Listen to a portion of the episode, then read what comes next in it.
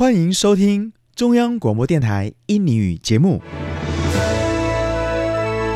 Inilah Radio Taiwan Internasional.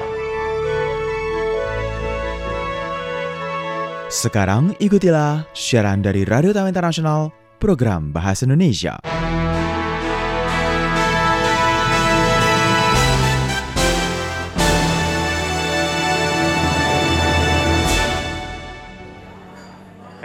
Udah lama nih kita nggak surfing.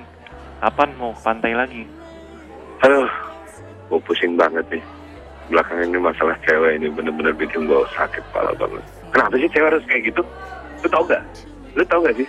Bingung gue sama mereka. di daerah rumah gue tuh ada tempat fitness baru kayaknya bagus tuh gue pengen join tapi nggak tahu gue harus cek dulu duitnya berapa Ya, gue mau minta pendapat lu lagi tentang masalah si Susi kemarin. Pengen tahu apa sih yang dipikirkan cowok dari ujung rambut sampai ujung kakinya? Dari penampilan sampai isi hatinya. Yuk dengerin aja obrolan cowok-cowok di Menstock RTISI.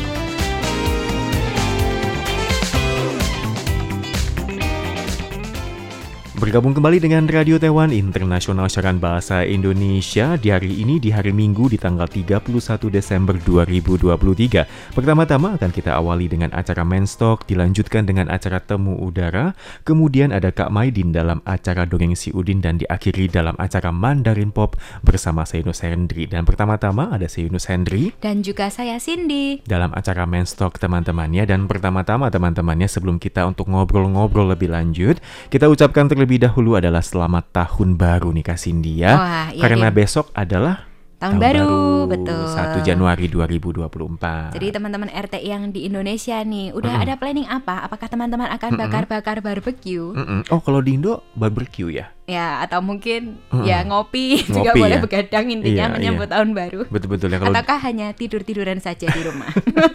ya kalau di Taiwan sendiri ya mungkin kalau tahun baru ini kan bertepatan dengan musim dingin ya Kak Cindy ya Hmm. dan di banyak tempat juga ada pesta kembang api dan juga untuk Taipei 101 itu juga menjadi salah satu destinasi tujuan wisata dunia teman-temannya dalam perayaan All and New teman-teman. Dan tentunya juga mulai hari ini malam ini nih ya banyak kawasan di Taipei kemudian juga mungkin di Taichung, di Kaohsiungnya juga bakal rame nih teman-teman ya. Bagi Anda yang mungkin ingin ke sana ya, eh, jangan lupa untuk tetap jaga kehangatan tubuh karena cuaca juga dingin teman-teman ya.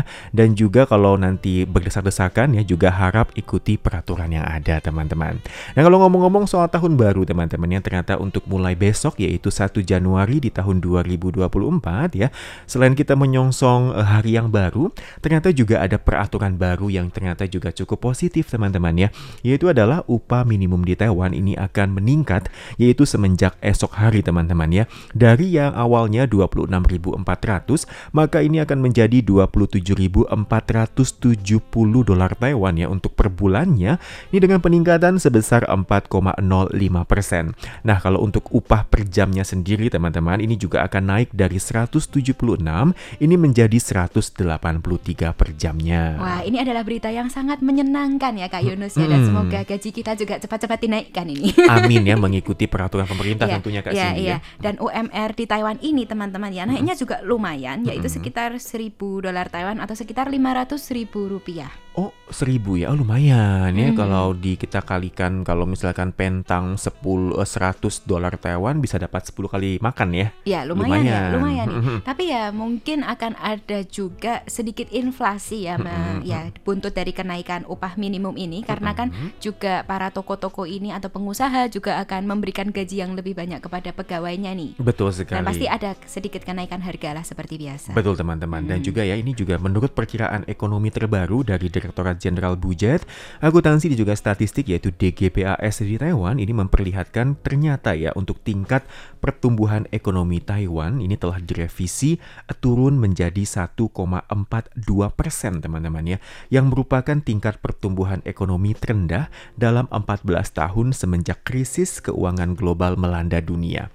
Ternyata meskipun Anda melihat gaji Anda itu naik angkanya, tetapi nilainya itu mungkin tidak sebanding dengan tingkat inflasi di luar sana. Iya betul sekali teman-teman. Apalagi ya kalau inflasi pendidikan ini dan properti itu naiknya gila-gilaan ya. Mm-mm. Kalau pendidikan itu bisa 10 sampai 15 persen per Oh, tahun nih. Kalau properti ya tergantung di kota mana. Itu naiknya bisa berkali-kali lipat nih teman-teman. Bahkan melebihi kenaikan gaji ya Kak Cindy Iya, ya. makanya Betul. banyak sekali orang Taiwan, terutama yang tinggal di pusat kota nih teman-teman. Meskipun gajinya naik, tapi mereka ini nggak sanggup untuk membeli rumah. Betul, karena nilai angkanya itu tidak sebanding ya teman-teman ya dengan nilai dari properti itu sendiri teman-teman. Jadi memang ya teman-teman ya dengan kondisi perkiraan pasar saat ini nih ya.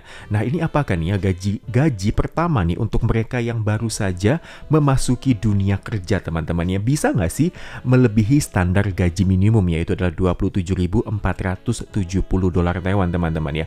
Meski UMR ditetapkan 27.000 teman-teman ya, tapi tentunya semua orang berharap kalau gaji mereka itu ya jangan UMR dong Iya, gitu ya. ha. Tambah berapa ribu dari UMR seperti Iya, itu ya. Iya, jadi meskipun ya beberapa perusahaan di Taiwan juga menawarkan gaji yang besar gitu, tapi mereka tetap kekurangan tenaga kerja nih. Jadi ini memang ada gap atau ada celah gitu loh. Betul, betul. Iya. Aneh banget kan, padahal eh, mereka udah menawarkan gaji yang tinggi, tapi sebenarnya juga nggak banyak orang yang mau, mau kerja, kerja. ya. Betul. Contohnya saja teman-teman ya untuk eh, bidang konstruksi ya kemarin juga ada pemberitaan yang mengatakan kalau untuk di bidang konstruksi ya karena mereka ingin menutupi krisis pekerja dari pihak pengembang itu bahkan menawarkan gaji yang bisa mencapai 5.000 atau 6.000 per satu hari loh. Wah, itu Tapi- besar banget itu sekitar 3 jutaan loh Kak Tapi- Yunus iya. untuk kuli bangunan gitu loh Iya, kasarnya. iya, tapi itu mereka juga nggak ketemu orangnya.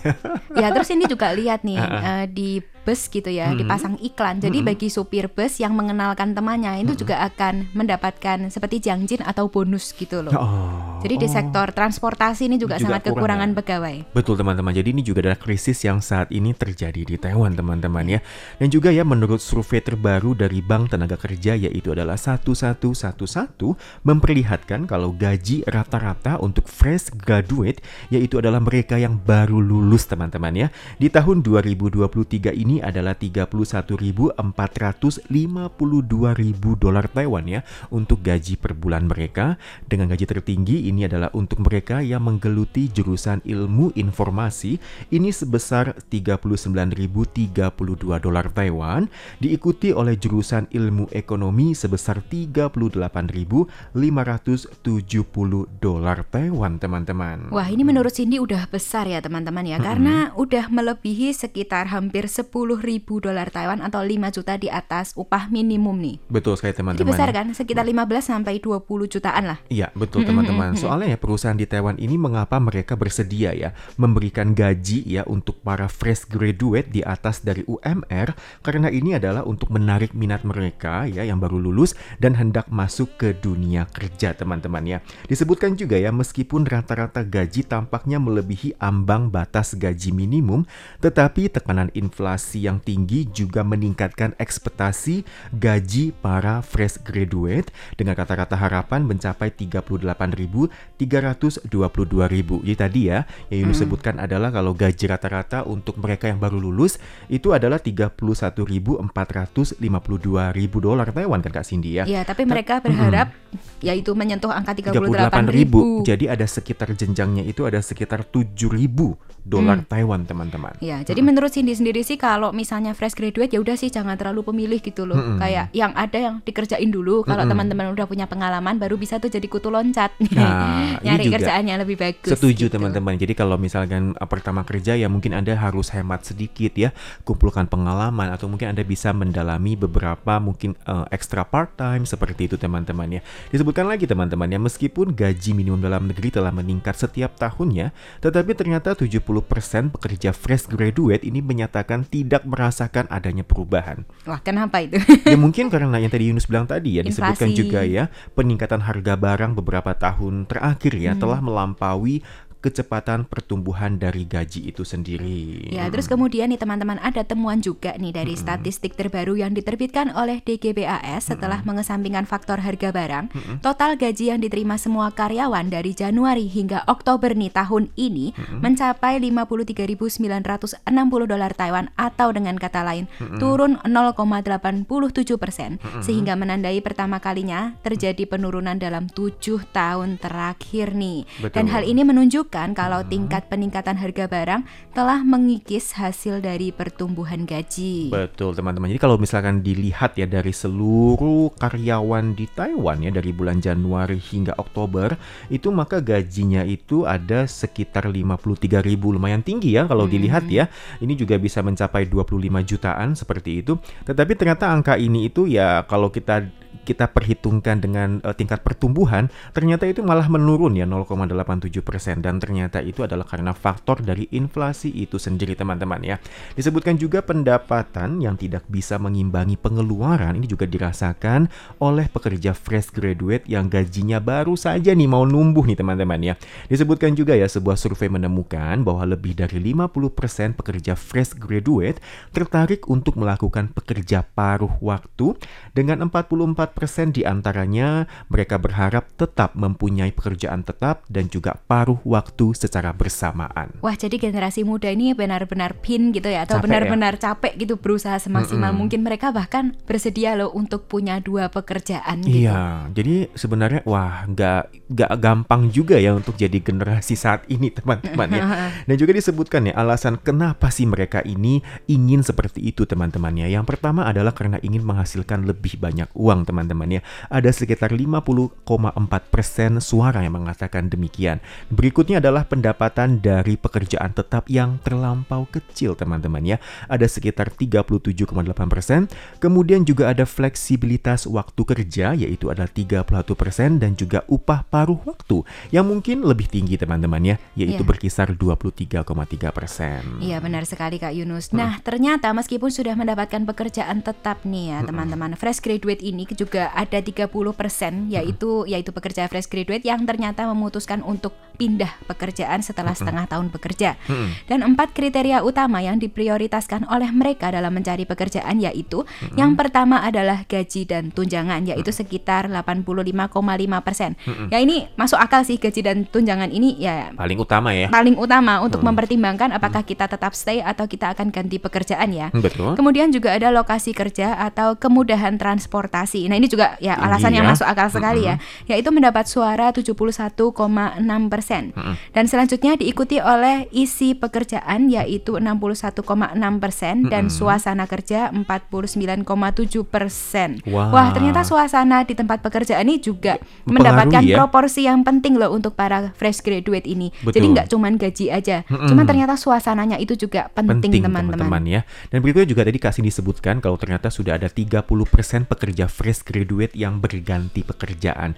Dan ternyata dari 30% ini teman-teman ya disebutkan juga 17,4 persennya telah pindah ke pekerjaan kedua dan 6,9 persen telah pindah ke pekerjaan ketiga dan juga 2,9 persen pindah ke profesi keempat. Dan wah lumayan ya berarti ada sekitar eh, 2 persen nih yang, yang sudah pindah empat kali. Wah, tapi jadi dari statistik, statistik ini kita bisa melihat ya kalau fresh graduate atau anak-anak zaman now gitu ya, sepertiga di antaranya itu kan dia berarti kan pindah pekerjaan. Berarti mereka ini orangnya selalu mencari kesempatan baru dan berani mengambil resiko sih di satu sisi. Iya sih, kalau mungkin kalau zaman dulu mungkin lebih nggak berani nggak Cindy ya? Baru setahun kerja ganti gitu. Ini aja baru setengah tahun 30 persennya udah ganti kerjaan. Iya, Wah, waduh berani ya. turnovernya sangat gede loh. Berani mereka ya. Mungkin anak muda sekarang generasinya mungkin ya udahlah aku nggak ada apa-apa lagi yang mau kuperjuangkan ya udah tinggal ganti-ganti Nothing aja. tulus soalnya Nothing kan. tulus ya Kak Cindy ya. Setuju Kak Cindy ya.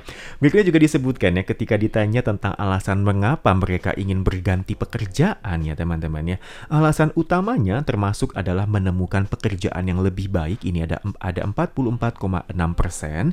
Tidak puas dengan gaji saat ini ada 44,0 persen. Tidak merasakan kepuasan kerja ada 33,9 persen. Enggak cocok dengan budaya perusahaan ada 26,7 persen. Dan juga bekerja lembur yang sering atau jam kerja yang terlampau panjang ini ada 23,2 persen. Dan ternyata untuk proporsi tertinggi gonta-ganti pekerjaan terjadi di industri perdagangan dan retail. Nah, sebaliknya Sebaliknya, proporsi terendah kontak-ganti pekerjaan juga terjadi di sektor jasa bisnis yang berfokus pada keuangan karena hambatan masuknya ke lapangan kerja ini cukup tinggi nih teman-teman. Betul teman-teman. Jadi ya intinya itu di zaman serba susah saat ini teman-teman ya. Ketika ada pekerjaan sudah alhamdulillah bersyukur teman-teman ya. Ketika ada gaji ya ditabung teman-teman ya, dipi- eh, diinvestasikan ya, diolah kembali teman-teman ya, supaya uang Anda itu juga bisa menghasilkan uang kembali teman-teman. Oke teman-teman, kalau tujuan tinggal sebentar lagi dan semoga saja bermanfaat. Saya Yunus Hendri. Dan juga saya Cindy. Kita akan bertemu kembali di pekan mendatang. Sampai jumpa.